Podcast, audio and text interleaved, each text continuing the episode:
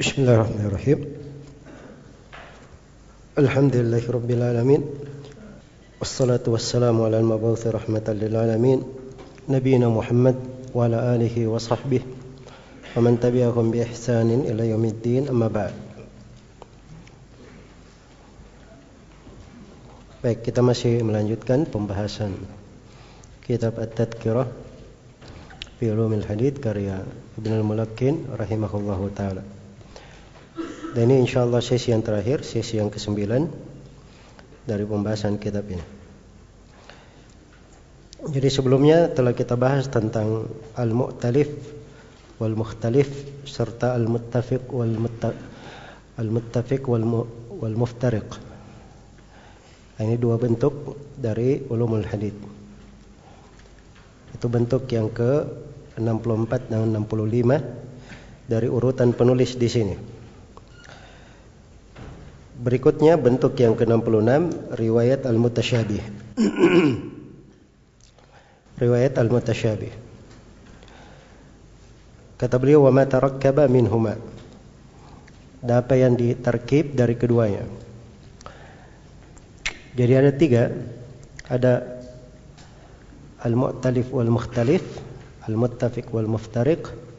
Kemudian yang digabung dari dua ini itu disebut al-mutasyabih. Ya. Jadi seperti misalnya Muhammad ibnu Akil dengan Muhammad ibnu Ukail. Nah, ini mutasyabih. Atau Muhammad ibnu Jubair dan Muhammad ibnu Hunain. Nah, itu mutasyabih juga. Misal lain Buraid bin Abdullah Yazid ibnu Abdullah Buraid dan Yazid dari sisi tulisan dari sisi uh, penulisan sama yang membedakan titiknya nah, jadi Abdullahnya sama yang beda Buraid dan apa Yazidnya Buraid dan Yazid ini masuk ke dalam apa Al-Mu'talif wal-Mukhtalif kalau sama-sama Abdullah ini masuk ke dalam apa? Al-Muttafiq wal Muftariq. Jelas ya? Baik, bentuk yang ke-66. Uh, bentuk yang ke-67 riwayat al-mutasyabih al-maqlub. Ya. Jadi sebenarnya kalau bahasa umum yang dipakai di buku mustalah seperti itu biasanya. Jadi ada al-mu'talif wal mukhtalif al-muttafiq wal muftariq yang digabung dari keduanya namanya mutasyabih. Mutasyabih ini ada beberapa bentuk mutasyabih. Jelas ya? Ini penulis lahirnya beliau bedakan. Tapi kalau mau di sebenarnya dibuat penamaan lebih umum, sebenarnya mata rakkaba minhuma dengan mutasyabih sama saja. Hanya saja mutasyabih itu ada beberapa bentuk. Ada beberapa bentuk. Jadi kalau al-maqlub misalnya Al-Aswad ibn Yazid dan Yazid ibn al-Aswad. Ya. Ini maklub namanya. Terbalik ya. Jadi dia mutasyabih tapi terbalik. Ya. Baik. Jadi sebenarnya sama saja ya kalau dimasukkan dua-duanya itu mirip. Baik, berikutnya bentuk yang ke-68 rawi yang dinisbatkan kepada selain ayahnya. Kata beliau wal mansubi ila ghairi abihi dan orang-orang yang dinisbatkan kepada selain ayahnya. Ya. Nah ini banyak ya di rawi-rawi dia nisbat kepada selain ayahnya. Dikasih contoh di sini oleh penulis rahimahullahu taala Bilal ibn Himamah. Bilal ibn Himamah. Iya. Himamah ini nama ibunya. Himamah nama ibunya. Kalau nama ayahnya Bilal ibn Robah. Ini sahabat ya yang mulia. Baik. Sama seperti Ibnu Ulayya. Ibnu Ulayya itu nisbat ke ibunya. Ya. Kalau namanya siapa Ibnu Ulayya? Hmm? Ismail bin siapa? Hmm? Ibnu Ulayya. Hah? Hah? Ismail ibn Ibrahim ibn Miksam Abu Bishr Ya ini nisbat kepada Siapa namanya? Ibunya. Ada nisbat kepada ayahnya. Apa namanya? Nisbat kepada kakeknya. Ada yang kepada buyutnya. Seperti Ibnul Had. Itu masyhur di Kutubus Sittah. Ada Ibnul Had namanya. Nama lengkapnya Yazid bin Abdullah bin Usama Ibnul Had. Ibnul Had. Sama dengan Ibnu Syihab. Ibnu Syihab Muhammad bin Muslim bin Ubaidillah bin Abdullah Ibnu Syihab Az-Zuhri. Baik. Jadi ada yang dinisbatkan kepada selain ayahnya. Iya. Apakah kepada kakeknya atau kepada ibunya atau kepada yang lainnya. Baik, karena itu ini salah satu jadi kalau orang tahu bentuk ilmu hadith ini dia akan teliti ketika periksa rawi. Begitu dia cari nama rawi di buku-buku biografi rawi, Ternyata nama rawi ini tidak ketemu. Nah, mungkin saja nama rawi ini apa namanya dinisbatkan ke mana? Ke kakeknya atau ke ayahnya. Baik. Dan itu ada banyak cara ya untuk melacak itu banyak cara. Tapi ini sekedar kita paham ada bentuk ilmu hadis seperti ini akan menambah wawasan nanti. Semakin banyak wawasannya. Baik. Kemudian kata beliau bentuk yang ke 69 rawi yang nisbatnya tidak seperti yang disangka. Ya. Wan nisbatul lati yasbiqu ilal fahmi minha syai' wa hiya bi khilafihi. Dan nisbat yang begitu didengar nisbat ini maka pemahaman itu langsung mengarah kepada sesuatu.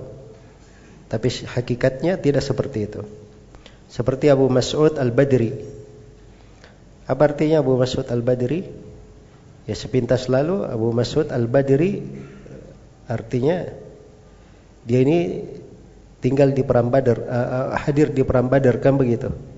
Al-Badri mungkin maksudnya hadir di perang Badar. Tapi sebenarnya tidak. Dia juga bukan penduduk Badar, tapi beliau tinggal di Badar. Tinggal di Badar, makanya dikatakan Al-Badri. Iya. Baik. Jadi itu ada beberapa nisbat yang seperti itu. Berikutnya sama dengan Khalid Al-Hadda. Khalid Al-Hadda orang-orang sangka apa namanya? Dia tinggal di mana? Dia kerjaannya tukang buat sepatu, orang sangkanya begitu. Iya. Jelas ya?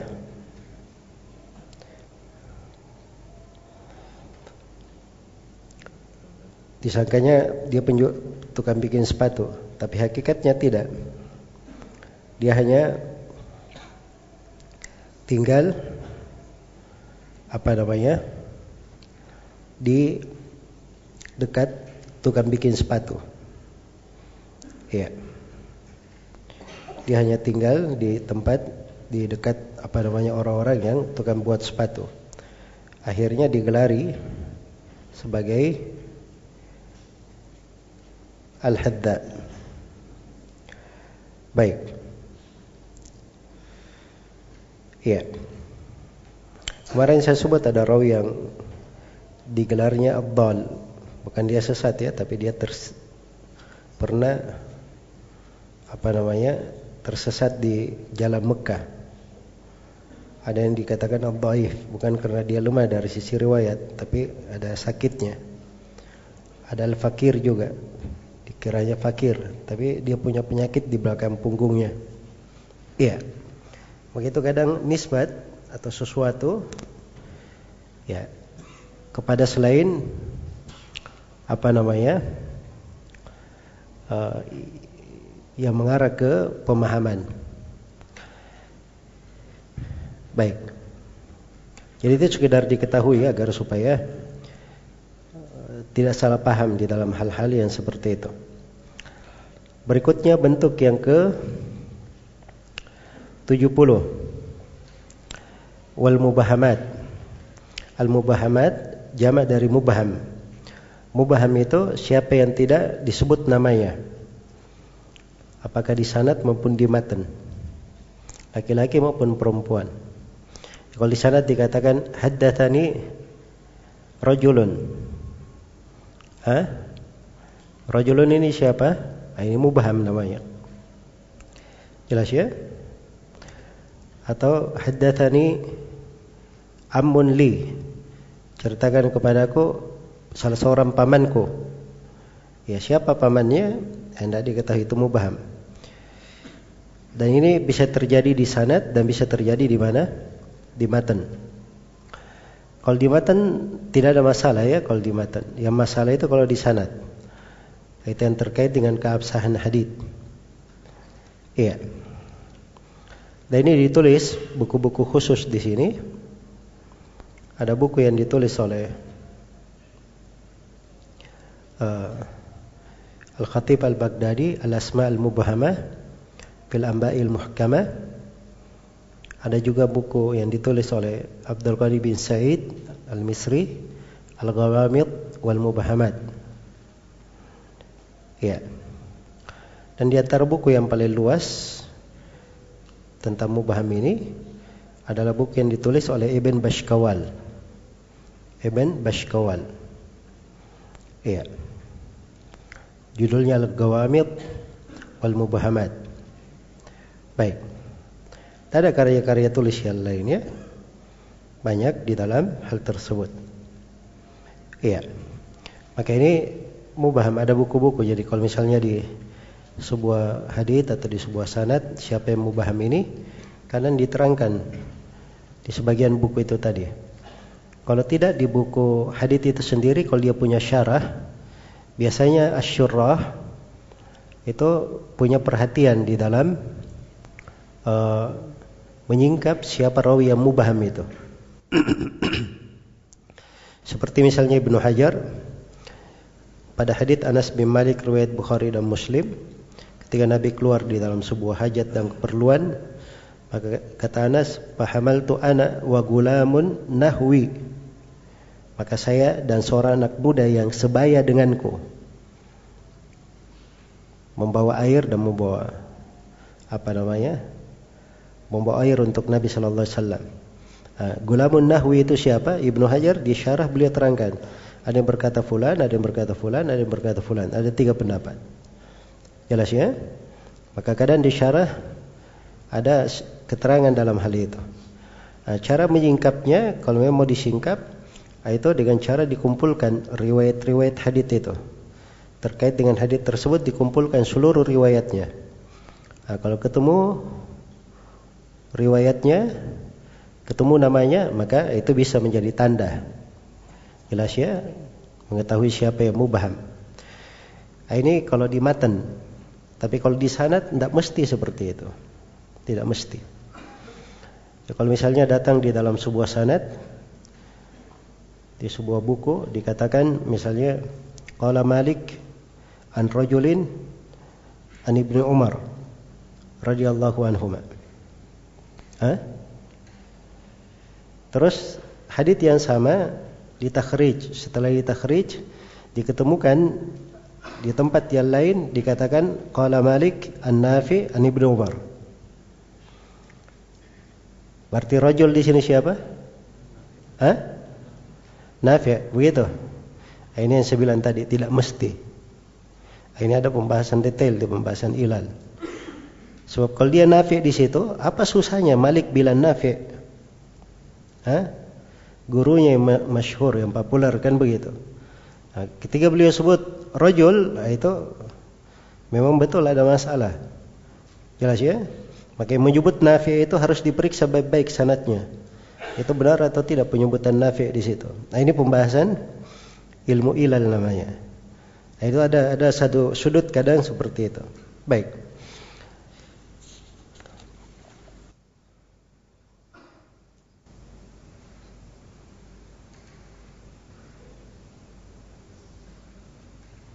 Berikutnya bentuk yang ke-71. Kata beliau rahimahullahu taala wat tawarikh. Ya, dan mengenal tarikh-tarikh. At-tawarikh jamak dari apa? Tarikh. Jamak dari tarikh. Ya.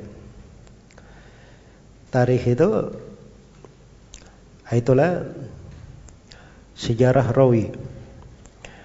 Karena itu buku-buku yang memuat tentang sejarah rawi itu disebut dengan nama Tarikhur Ruwah. Dengan nama ilmu tarikh Ar-Ruwah.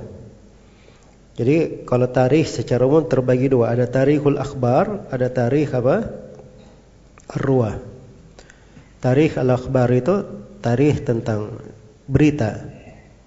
Misalnya uh, dari tahun 200 Hijriah sampai 500 Hijriah siapa yang pernah menjadi khalifah? Atau dari khalifah itu bagaimana tarikh mereka? Hah? jelas ya? Jadi ada kadang tarikh terkait dengan tarikh al-akhbar.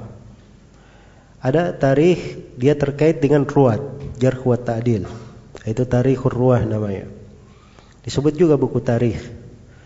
Tapi sekarang ini standar uh, perpustakaan internasional tidak disebut buku tarikh lagi.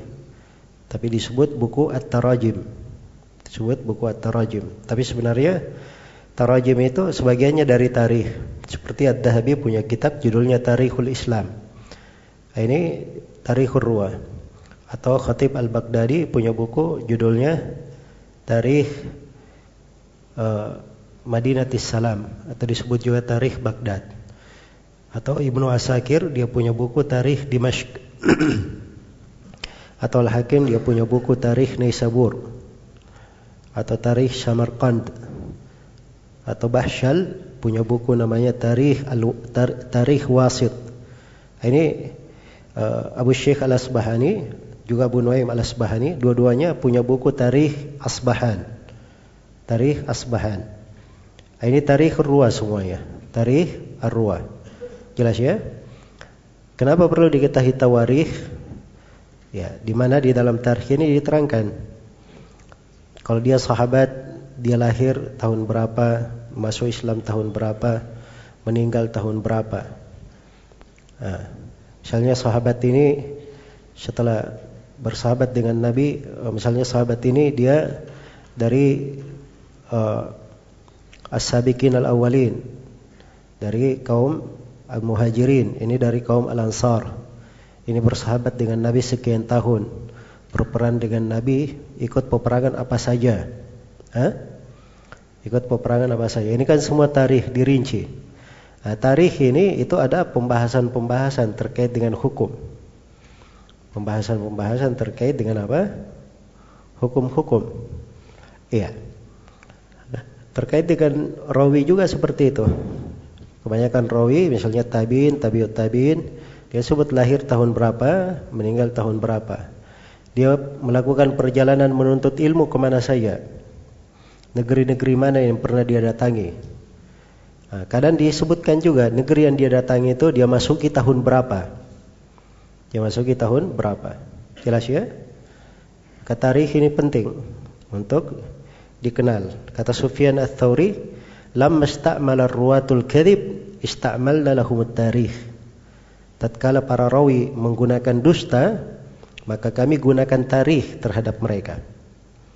Ya, jadi kalau dia berkata misalnya si Rawi berkata, saya mendengar dari si fulan. Ditanya kamu ketemu si fulan di mana? Kalau dia berkata saya ketemu di kota ini tahun berapa? Iya. Oh tahun sekian. Oh, kamu dusta. Karena si fulan itu tidak pernah ke kota itu. Atau dia berkata di kota itu tahun lima uh, tahun misalnya 100 Hijriah, maka didustakan si fulan terakhir dia masuk di kota itu tahun 90 Hijriah. Ya tidak mungkin ketemu. Jelas ya? Maka ini tarikh bisa menyingkap kedustaan.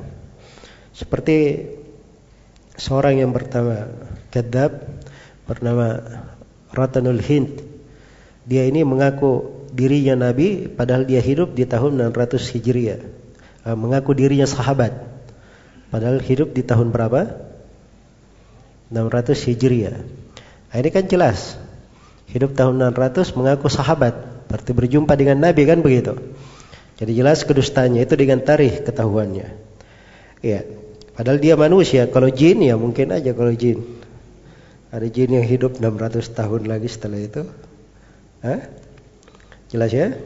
Tapi ini kita dari awal pembahasan ini, pembahasan mustalah Semuanya terkait dengan manusia, tidak ada yang terkait dengan jin. Baik. Jadi ini pentingnya mengenal tarikh ya. Tentang tawarikh ar-ruah. Baik. Berikutnya bentuk yang ke-72. Ya kalau saya mau sebutkan buku-buku di sini, ini buku-buku yang paling banyak ini ditulis tentang tawarikh. Tergantung jenisnya kayak gimana, mau buku kayak bagaimana. Ya, karena tawarikh itu memuat semua hal yang terkait dengan sejarah rawi. Apakah kelahirannya, wafatnya, perjalanannya, nasabnya, eh, kunianya, lakopnya dan seterusnya. Baik. Berikutnya bentuk yang ke-72 mengenal wafat rawi. Kata beliau wal wafayat dan mengenal wafayatnya. Itu ada buku-buku khusus ya ditulis tentang al-wafayat. Ya. Ada buku-buku khusus di situ. Baik. Walaupun umumnya buku-buku yang ditulis tentang apa namanya? Uh, tarikh ar-ruah itu banyak menyebutkan banyak menyebutkan tentang wafat-wafat rawi. Jadi biasanya di buku-buku itu sendiri di, sudah disebutkan ya sudah disebutkan apa? Wafatnya rawi itu. Misalnya kita baca di Syiar Alamin Nubala ya. Kita baca di Syiar Alamin Nubala. Ya di Syiar Alamin Nubala disebut dulu nama imam itu sebut nama yang mau dikasih biografi disebut nama lengkapnya kunyanya gelarnya segala macam setelah itu dia terangkan dia ini meriwayatkan dari siapa saja, disebut guru-gurunya. Nah, setelah itu diterangkan dia dia belajar dari dia siapa saja. Ya belajar dari dia siapa saja. Setelah itu dibawakan ucapan para ulama tentang dia, ucapan Aimatul Jarh wa Ta'dil tentang dia. Kemudian disebutkan beberapa berita terkait dengan dia. Dan sebelumnya disinggung ya dia lahirnya di mana kapan dan di akhirnya disebutkan tentang wafatnya. Sebutkan tentang wafatnya. Jadi umumnya di buku-buku tarikh itu disebut. Jelas ya? Disebut tentang hal tersebut. Paling tidak ditahu wafatnya kapan dia wafat. Diketahui supaya bisa diperkirakan. Bisa diperkirakan. Walaupun ada buku-buku khusus ditulis seperti kitab Wafayatul A'yan karya Ibn Khalkan itu disebutkan ya khusus untuk masalah al-wafayat. Baik. Berikutnya Coba ada Maktabah Syamilah di situ. Coba buka Syiar Alamin Nubala.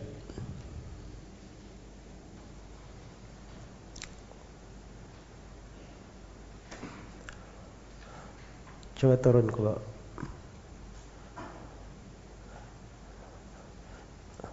Lewat lewat. Uh, belum belum. Turun lagi sedikit. Turun lagi sedikit. Ya itu. Itu ada tarikh itu buku tarikh ya. Kita tidak masuk di pembahasan tarikh. Di bawahnya lagi.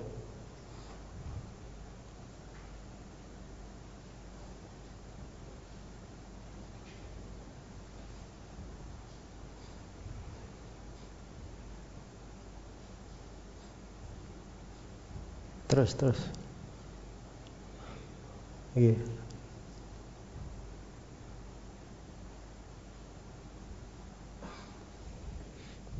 Masih, masih.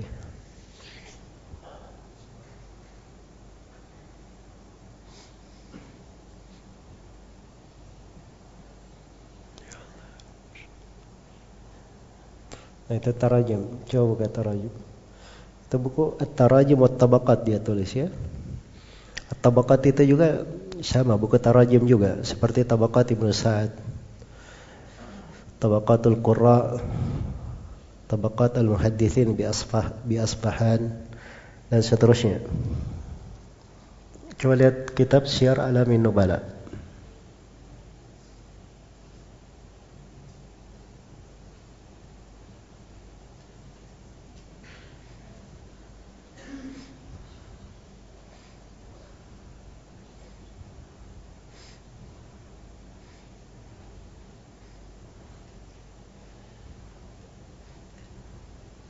Nah, itu aja itu tuh. Coba buka tahdib. Uh, sebentar bukan bukan itu. Turun lagi.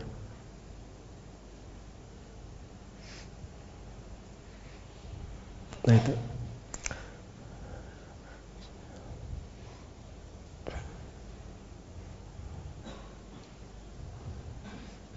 Coba buka jilid 14.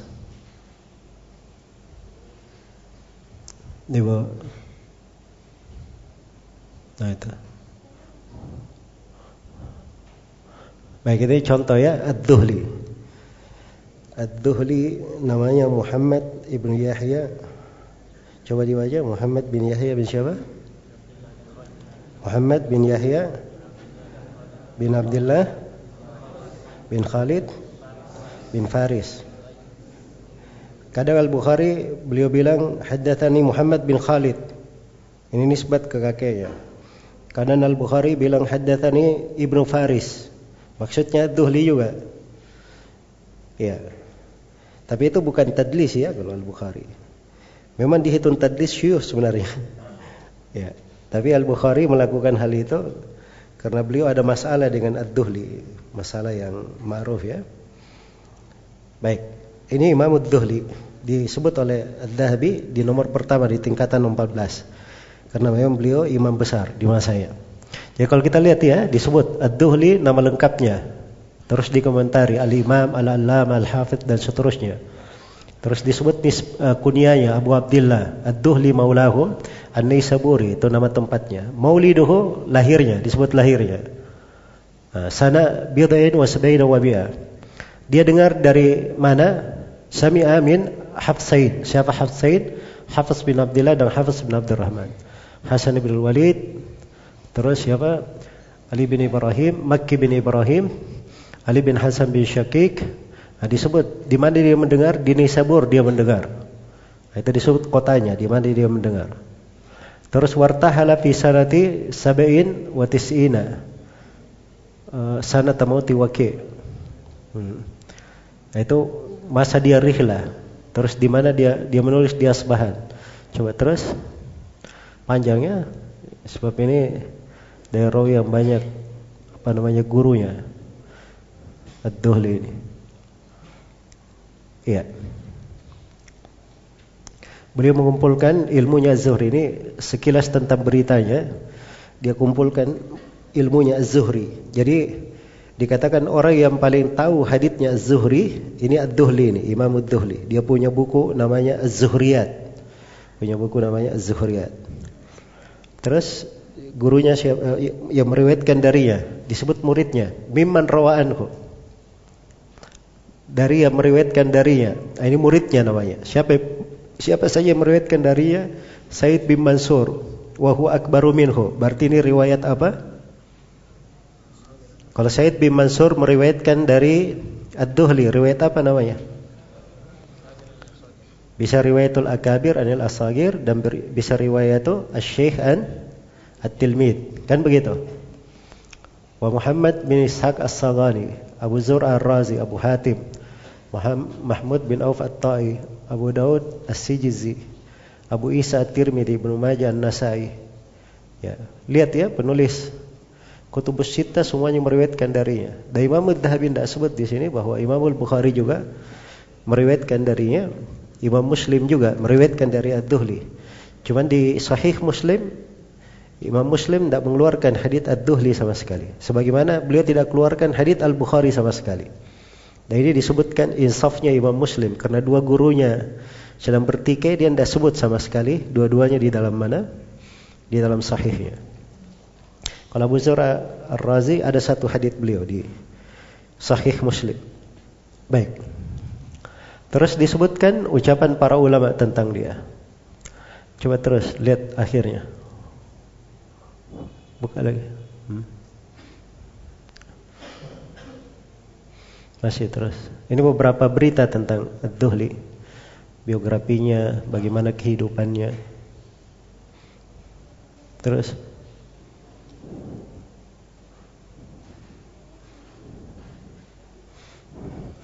Coba itu pencet aja di sebelah kanan itu. Muhammad bin Ismail bin Ulayya itu. Nah, di bawah di bawahnya. Di bawahnya lagi. Enggak enggak cocok benar di atasnya tadi. Yahya bin Muhammad Ad-Duhli. Baik. Kembali kiri ya. Coba itu wafatnya. Jadi itu terlihat itu wafatnya Ad-Duhli ini. Hah? Kalau itu di atas mata ad-duhli ats Meninggal hari Selasa. Li thalathin bakina min Rabiul Akhir. Tiga terakhir sebelum Rabiul Akhir. Apa artinya kalau tiga terakhir di Rabiul Akhir? Sekitar tanggal 27 Rabiul Akhir. Tiga hari, sisa tiga hari. Begitu maksudnya. Berarti bahasa lainnya tanggal 27. Bisa dilihat ya dalam satu rawi terkumpul semua apa yang diperlukan di situ.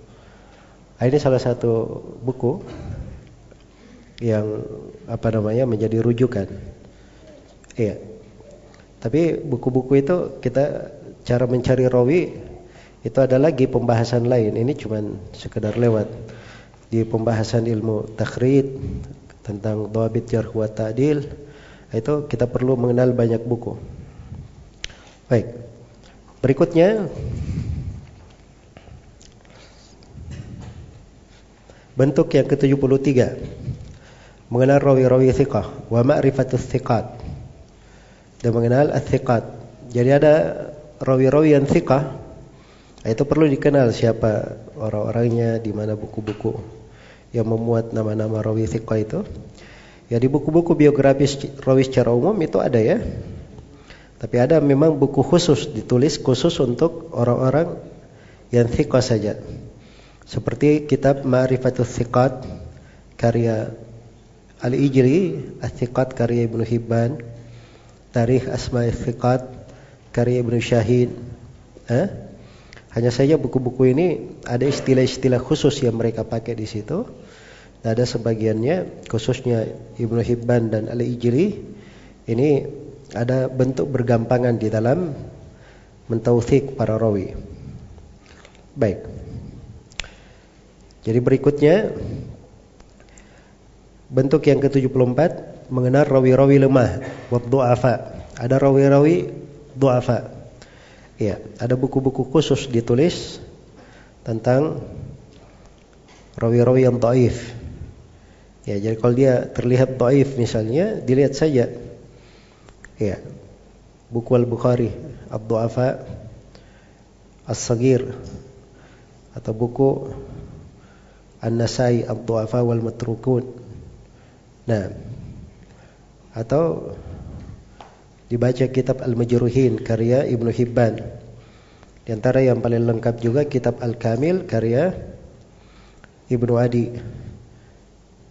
Ada Du'afa wal Matrukun karya Ad-Darqutni. Ada Du'afa al-Kabir karya Al-Ukaili. Iya. Jelas ya?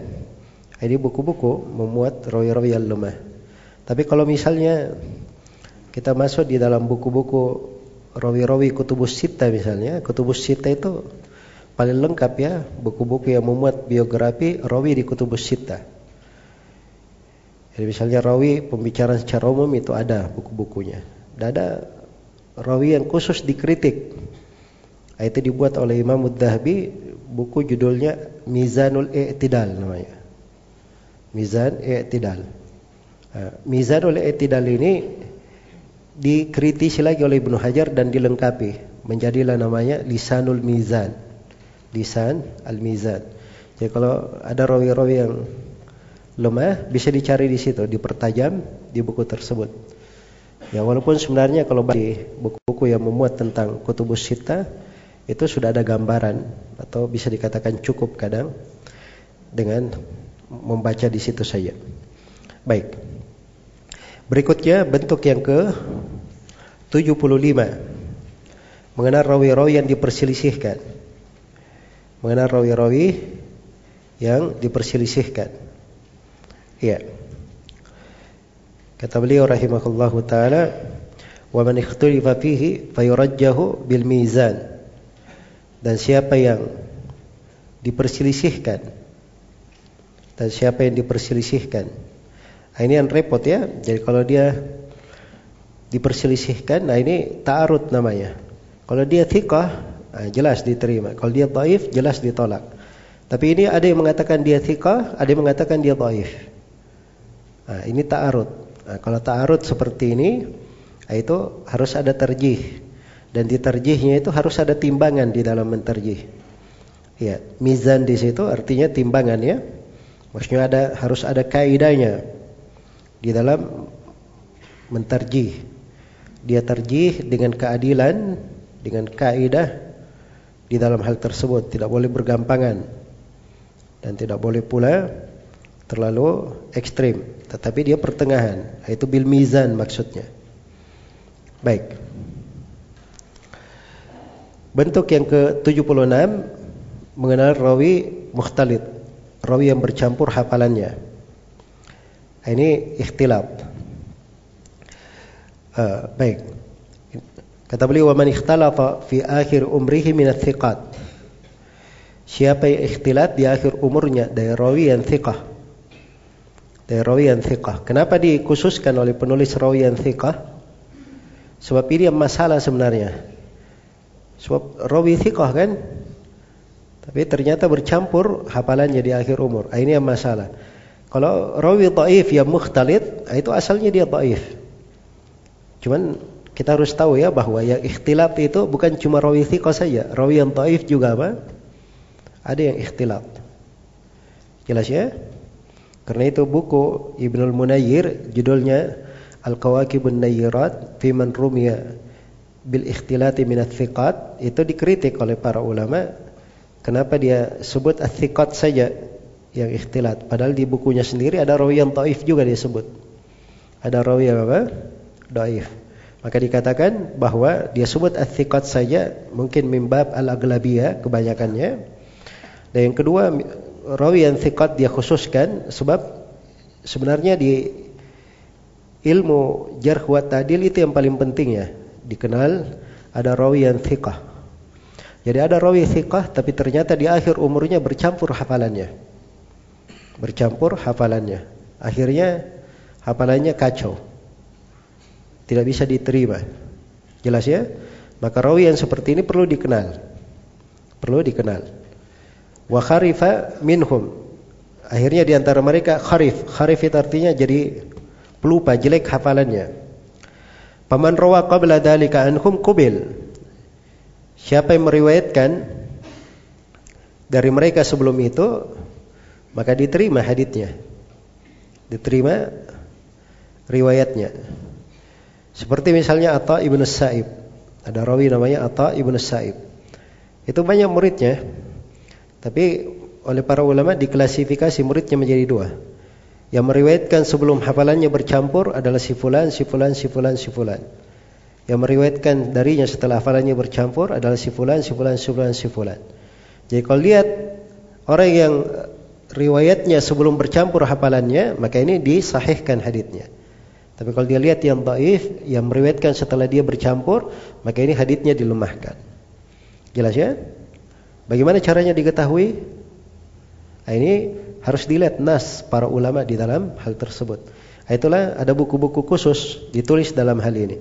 Karena itu memang di, dikhususkan oleh penulis rahimahullahu taala pembahasan di sini karena ini termasuk masalah penting.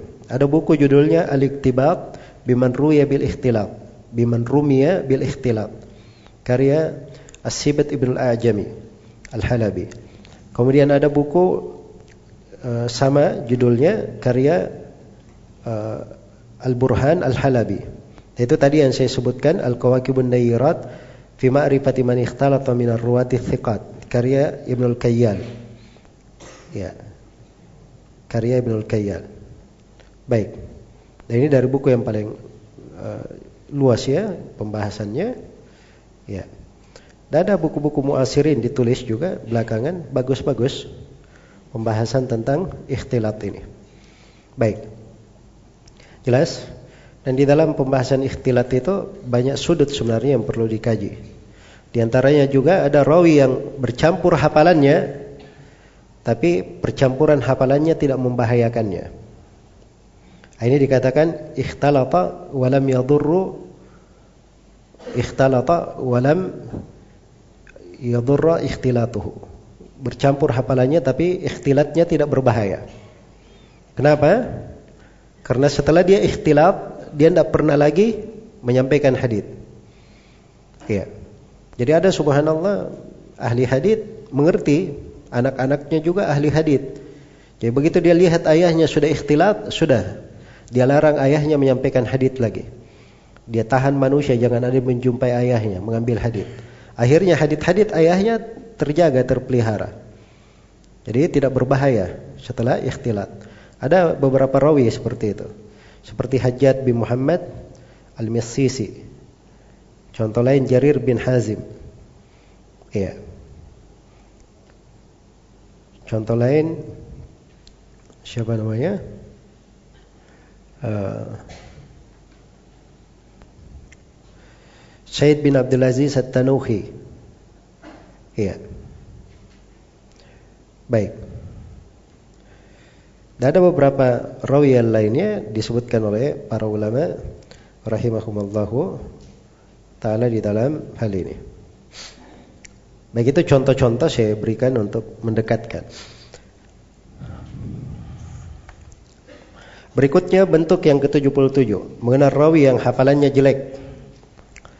Kata beliau, "Wa man ihtaraqat kutubuhu aw dhahabat faraja ila hifdhihi fasa'a." Mengenal orang yang buku-bukunya terbakar atau hilang. Kemudian dia bersandar pada hafalannya, akhirnya menjadi jelek hafalannya. Ada orang yang bagus hafalannya. Kenapa? Sebab dia punya buku, dia bisa muroja. Dia muroja. Jelas ya? Ya. Ada yang buku-bukunya terbakar, akhirnya kembali ke hafalannya dia ini akhirnya menjadi jelek hafalnya karena tidak ada lagi buku yang bisa dia apa? Bisa dia pegang. Ya, ini sebenarnya ada hubungannya dengan pembahasan sebelumnya. Sebab salah satu sebab ikhtilat karena buku-buku terbakar. Salah satu sebab ikhtilat.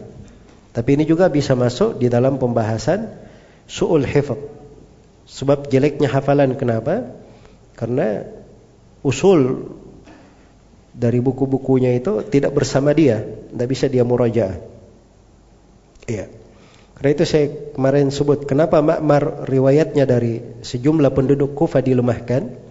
Seperti riwayatnya dari Qatada. Sebab beliau ketika bercerita hadith-hadith dari Qatada di sebagian negeri usul beliau beliau tidak bawa. Akhirnya dia bercerita dari hafalannya dan banyak keliru. Banyak keliru di dalam hal tersebut. Baik. Jelas ya kalau contoh yang disebut oleh penulis di sini seperti Ibn Lahia ya Ibn Lahia ini kan disebut bahwa beliau uh, jelek hafalannya setelah terbakar buku-bukunya. Dan ada sebab-sebab lain, ada yang jelek hafalannya setelah matanya menjadi buta. Setelah matanya buta, akhirnya dia tidak bisa lagi meroja. Ya. Ada lagi yang lain jelek hafalannya karena meninggal sebagian keluarganya. Ya, meninggal sebagian keluarganya. Akhirnya mungkin dia terlalu sedih dan bagaimana? Akhirnya jadi jelek hafalannya. Ya. Wa Baik. Berikutnya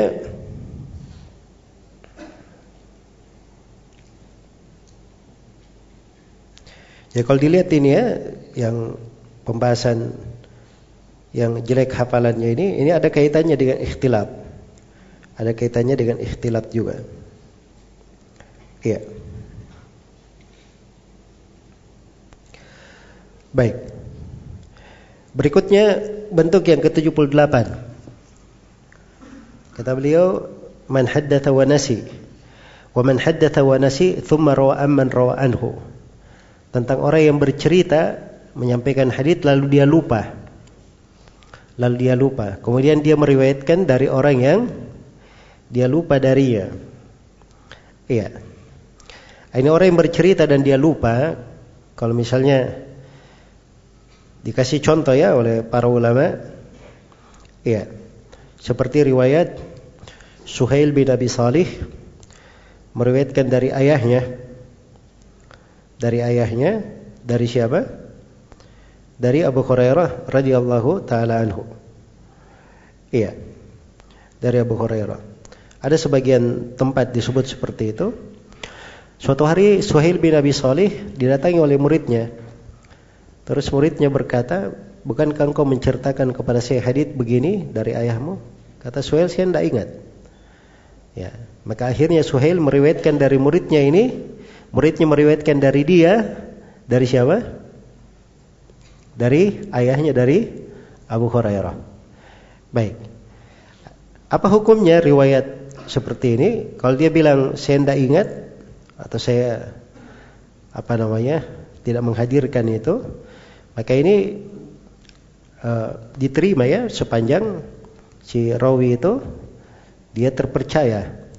Dan seorang rawi mungkin saja dia lupa riwayatnya mungkin. Ya. Rawi kalau dia lupa riwayatnya apakah celaan bagi dia? Jawabannya tidak. Jelas ya yang masalah itu kalau dia salah dalam riwayat itu yang masalah. Tapi kalau dia lupa, ya manusia namanya bisa lupa.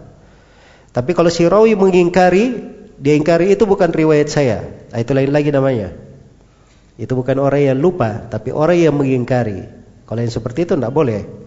Ya diriwayatkan darinya. Asyuyuti punya buku ya di dalam bentuk ini judulnya Tadkiratul Mu'tasi biman haddatha wa nasi. Iya. Dan Suyuti ini menyebutkan bahwa dia meringkas dari buku Al-Khatib Al-Baghdadi yang ditulis di dalam hal ini. Baik. Selesai ini. Berikutnya bentuk yang ke-79. Kata beliau, "Wa ma'rifatu tabaqatir ruwat wal ulama" dan mengenal tabaqat para rawi dan ulama. Tabaqat itu adalah uh, apa namanya? Ruwatun ishtaraku fisinni wal luki. Itu tabakat namanya. Rawi-rawi yang bersyirikat di dalam uh, apa namanya? Di dalam umur dan di dalam mengambil dari guru. Jadi ada buku-buku yang memuat tentang tabakat misalnya buku tentang tabakat sahabat tabakat tabi'in tabakat tabi'it tabi'in. Ada khusus buku tabakat ahli kiraah ada tabakat ahli nahwu Hah? Baik. Ada tabakat ahli tafsir, ada tabakat ahli hadith. Misalnya di Asbahan ada tabakat ahli hadith di wilayah tertentu. Ah, ini buku-buku tabakat. Jelas ya? Kadang ditulis tabakat berdasarkan tingkatan-tingkatannya. Berdasarkan tingkatan-tingkatannya. Baik, ini sama ya, ini masuk juga di buku Tarajim, sama. Bentuk yang ke-80 mengenal mawali dan qabila. Ya. Wal, wal mawali wal qabail. Ya sebenarnya ini kalau dihitung dua bisa ya. Al-mawali itu jamak dari maula. Maula itu kalau dalam rawi ada tiga maknanya. Mari yang pertama maula bil Islam. Ada maula karena dia diislamkan. Ya, tadinya dia kafir, akhirnya masuk Islam di tangan sebuah kabilah, maka dikatakan si fulan maula kabilah fulan. Artinya dia masuk Islam di situ dengan tangan kabilah ini melalui jasa mereka. Kemudian yang kedua ada maula bil itq, ada maula karena dibebaskan. Tadinya dia budak, kemudian dibebaskan, makanya dikatakan maula si fulan. Seperti Thauban maula Rasulullah sallallahu alaihi wasallam. Kan begitu? Nafi Maula Ibnu Umar. Ha? Ini kan Maula namanya. Maula. Ada Aslam Maula Umar Ibn Khattab. Ini kan Maula. Dia tadinya bekas budaknya terus dibebaskan. Dibebaskan. Disebut Maula. Baik. Yang ketiga ada Maula bil hilf. Karena adanya aliansi. Ada dua kabilah misalnya saling melindungi. Kabilah besarnya ini melindungi kabilah kecil. Kabilah kecilnya yang dilindungi itu dia bernisbat kepada kabilah besar. Dikatakan maulanya kabilah ini. Jelas ya? Itu tiga jenis maula. Dan ini al-mawali apa namanya? Ada sebagian buku yang memuat pembahasan itu. Iya. Dan umumnya di buku-buku tarajim itu ditulis ya. Diterangkan tentang al-mawali tersebut. Baik. As-Sakhawi menyebut bahwa ada buku yang ditulis oleh Muhammad bin Yunus Al-Kindi terkait dengan hal tersebut. Terus ada namanya Al-Qabail, Qabila-Qabila. Ya. Ini pembahasan tentang Qabila-Qabila. Dia berasal dari Qabila mana? Ya. Berasal dari Qabila mana? Jadi kalau dia sudah masuk ke Qabila, itu biasanya urusannya urusan nasab, kan begitu. Dia dari Qabila mana dinasabkan ke sana. Itu ada buku-buku yang terkait dengan ansab terkait dengan nasab-nasab. Ya, seperti kitab Al-Ansab karya As-Sam'ani. Ya. Demikian pula Al-Ansab karya Al-Lahmi dan ada juga ringkasan Al-Ansab karya Ibnul Athir apa karya eh, Ibnul Athir Al-Jazari dan ada Lubabul Lubbul Lubab bi Tahriril Ansab karya As-Suyuti rahimahullahu taala. Baik wa rahimallahu anil muhaddithin jami'an. Baik. Selesai ya tentang al-qabail, kabilah-kabilah. Jadi kalau mau tahu kabilah apa saja, nasab apa saja yang dipakai oleh rawi, itu ada buku-bukunya. Ini saking detailnya ilmu hadis, subhanallah, tidak ada satu rawi pun dia pakai nasab apa kecuali itu para ulama terangkan. Ini nasabnya dari mana, asalnya di mana. Ya, asalnya di mana. Baik. Saya pikir ilmu tentang nasab kemarin itu uh, apa namanya sudah jarang yang berbicara tentangnya, tapi ternyata masih masyhur juga.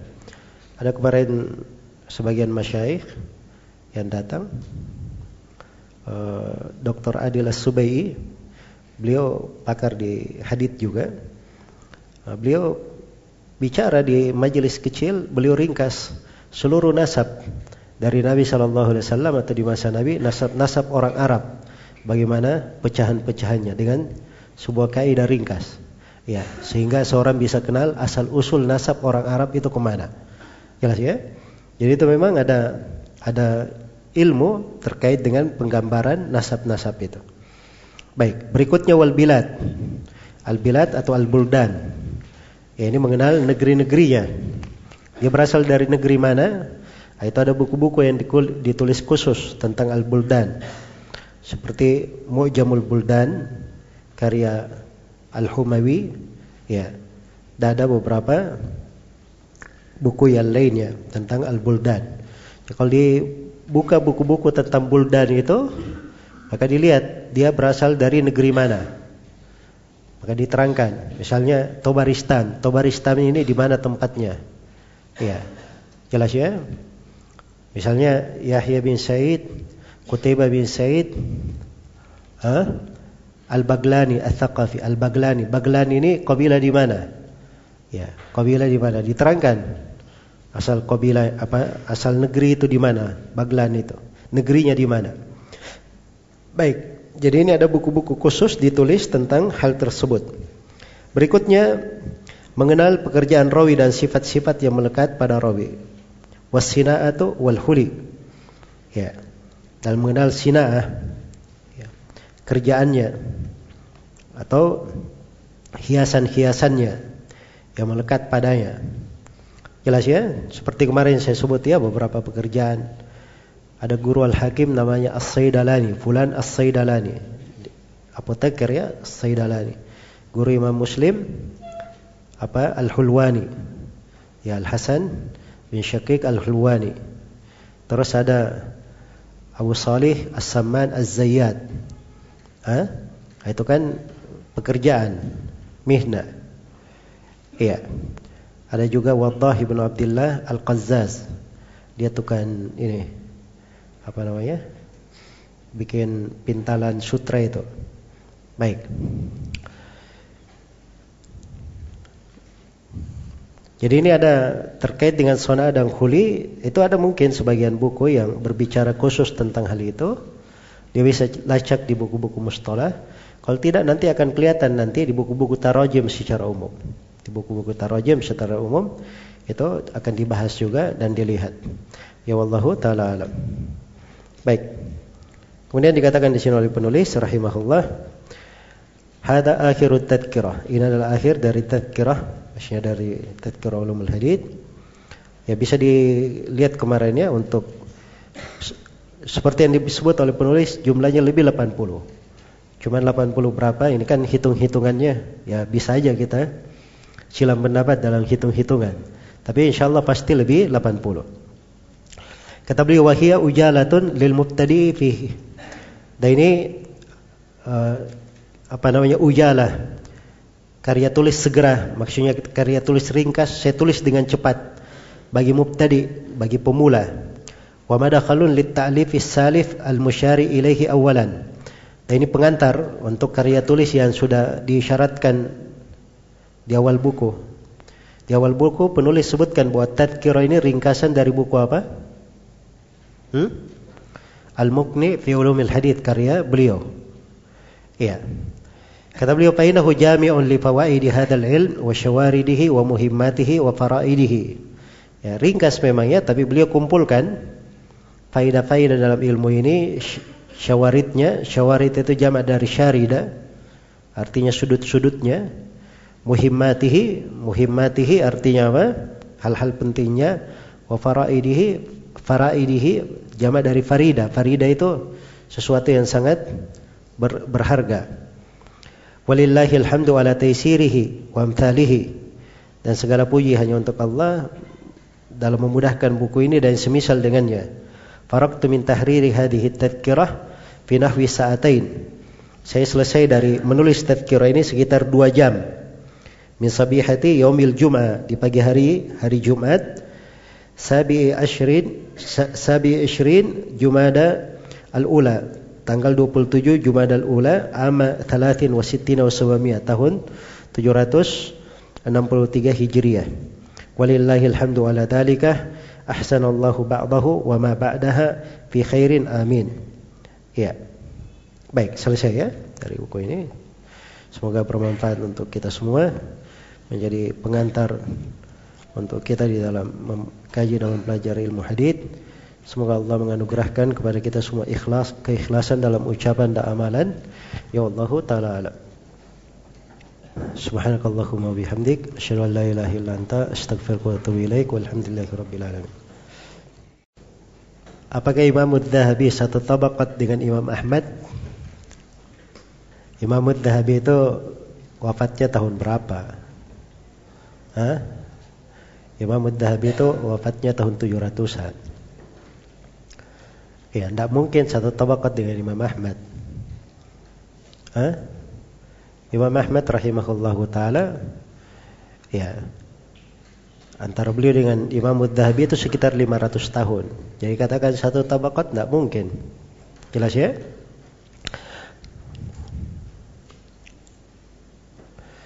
Apa mana hadith bahwa yang meninggalkan sholat asar seluruh amalannya batal. Batal amalannya di situ ada dua makna. Ada sebagian ulama yang mengatakan batal dari amalan sholatnya, ada yang mengatakan batal amalannya seluruhnya, yaitu batal keislamannya. Batal keislamannya. Nah itu dimaklumi ya silam pendapat para ulama tentang masalah hukum orang yang meninggalkan sholat. Apa status hadith yang mengatakan bahwa Allah lebih dekat dari ulat leher? Itu bukan hadith, ayat itu. Wa nahnu aqrabu ilaihi minkum wa nahnu aqrabu ilaihi min apa? Min hablil warid. Ya. Dan di situ ada dua penafsiran. Penafsiran yang pertama malaikat yang dekat kepada hamba melebihi urat leher. Dan penafsiran yang kedua kedekatan Allah Subhanahu wa taala, tapi kedekatan bermana kedekatan ilmu, kedekatan ihata meliputi. Baik. Itu dua penafsiran para as-salaf tentang ayat.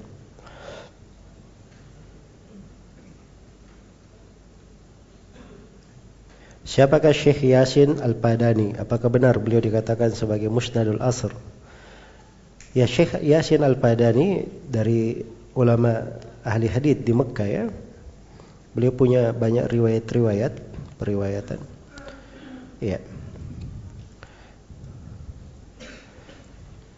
Dan guru-guru kita juga ada sebagian dari guru-guru kita uh, diberi ijazah oleh Syekh Yasin Al-Padani ini.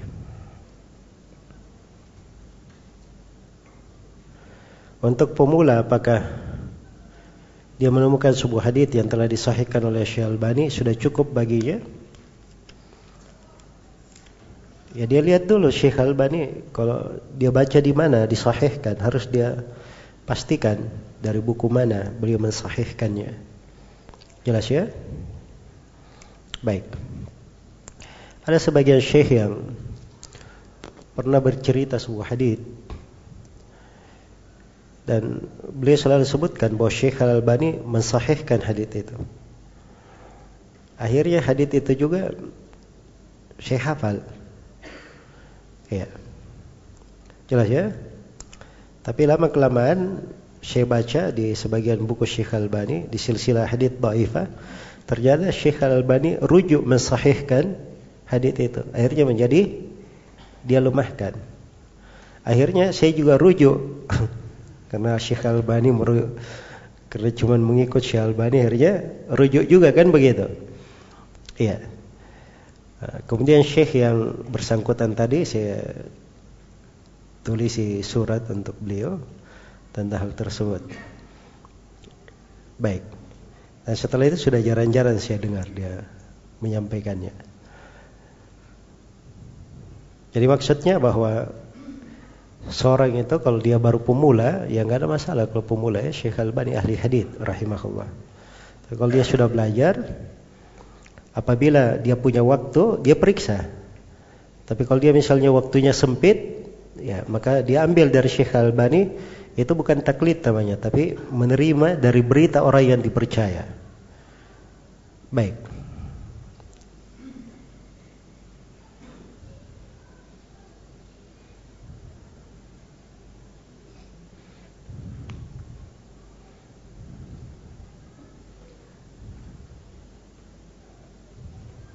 Bagaimana jika ilmu salah seorang ulama akidahnya selamat, manhajnya lurus, tapi penerjemahnya yang akidah dan manhajnya menyimpang?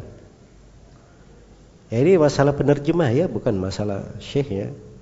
Kalau si penerjemah menerjemah ucapan syekh persis, karena masalah ya. Tapi kalau si penerjemahnya dia terjemah ucapan syekh kepada keyakinan dia, nah, maka ini harus diingatkan. Dia tidak boleh diam, harus diingatkan ke syekhnya.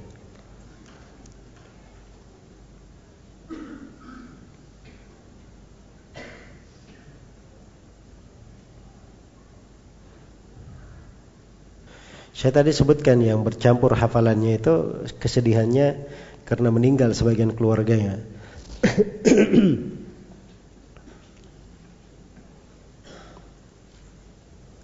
Yang mana lebih afdal antara ahli fikih, ahli usul atau ahli hadith? Ya, antum belajar saya, tidak usah pikir-pikir yang paling afdal. Yang penting antum ahli. Kalau sudah ahli bagus.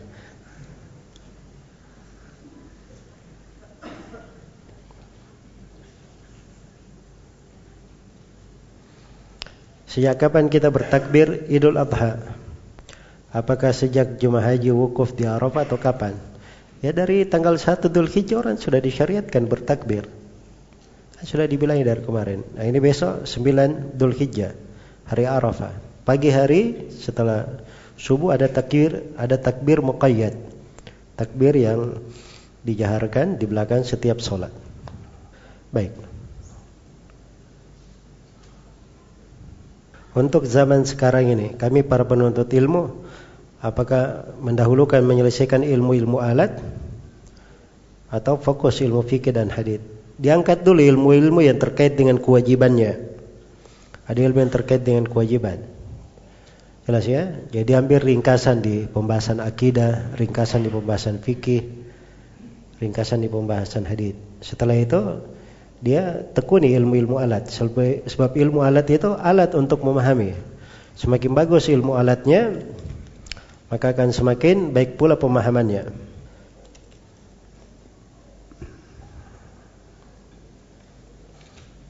Apa perbedaan ziyadatul thiqah dan al-mazid bimuttasilil asanid? Kalau ziyadatul thiqah dia asalnya tambahan pada thiqah yang dipermasalahkan diterima atau tidak.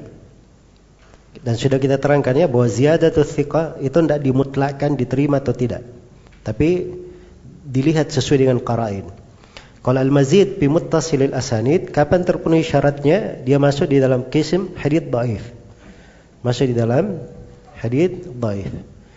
Kemarin al-mazid bi muttasil asanid apa syaratnya? Hmm? Ada dua saya sebut syaratnya. Jadi ada satu sanad ada tambahannya. Sanat yang kedua ada satu sanat tidak ada tambahan. Sanat yang kedua ada tambahannya.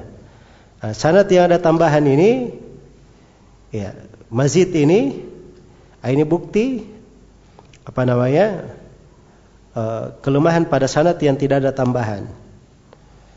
Ya, dia masuknya ke hadits daif. Kapan dia masuk di hadits daif? Dengan dua syarat. Yang pertama yang menambah itu lebih kuat daripada yang tidak menambah. Kemudian yang kedua, di tempat tambahan harus ada apa? Harus ada harus ada tasrih bis sama. Iya. Maka mazid di sini dari sisi itu mazidnya tambahannya diterima. Tambahannya diterima, tapi hadis yang tidak ada tambahannya ini masuk ke dalam kisim hadis dhaif. Iya masuk ke dalam kisim hadith dhaif karena ada keterputusan di situ. Baik.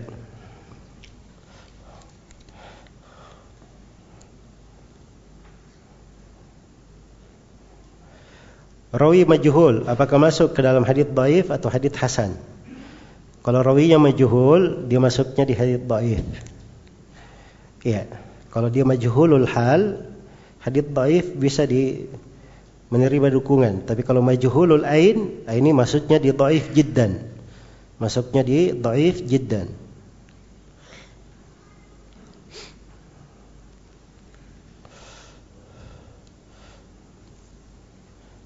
Kenapa Al-Bukhari tidak meriwayatkan dari Imam Syafi'i? Pertanyaannya keliru. Ya, bukan Al-Bukhari tidak meriwayatkan dari Imam Syafi'i apa namanya? Uh, pertanyaannya harusnya kenapa Imam Al-Bukhari tidak menyebutkan riwayat Asy-Syafi'i di dalam sahihnya? Begitu harusnya bertanya. Jelas ya? Dan itu memang ada pembahasan-pembahasan di kalangan para ulama. Baik.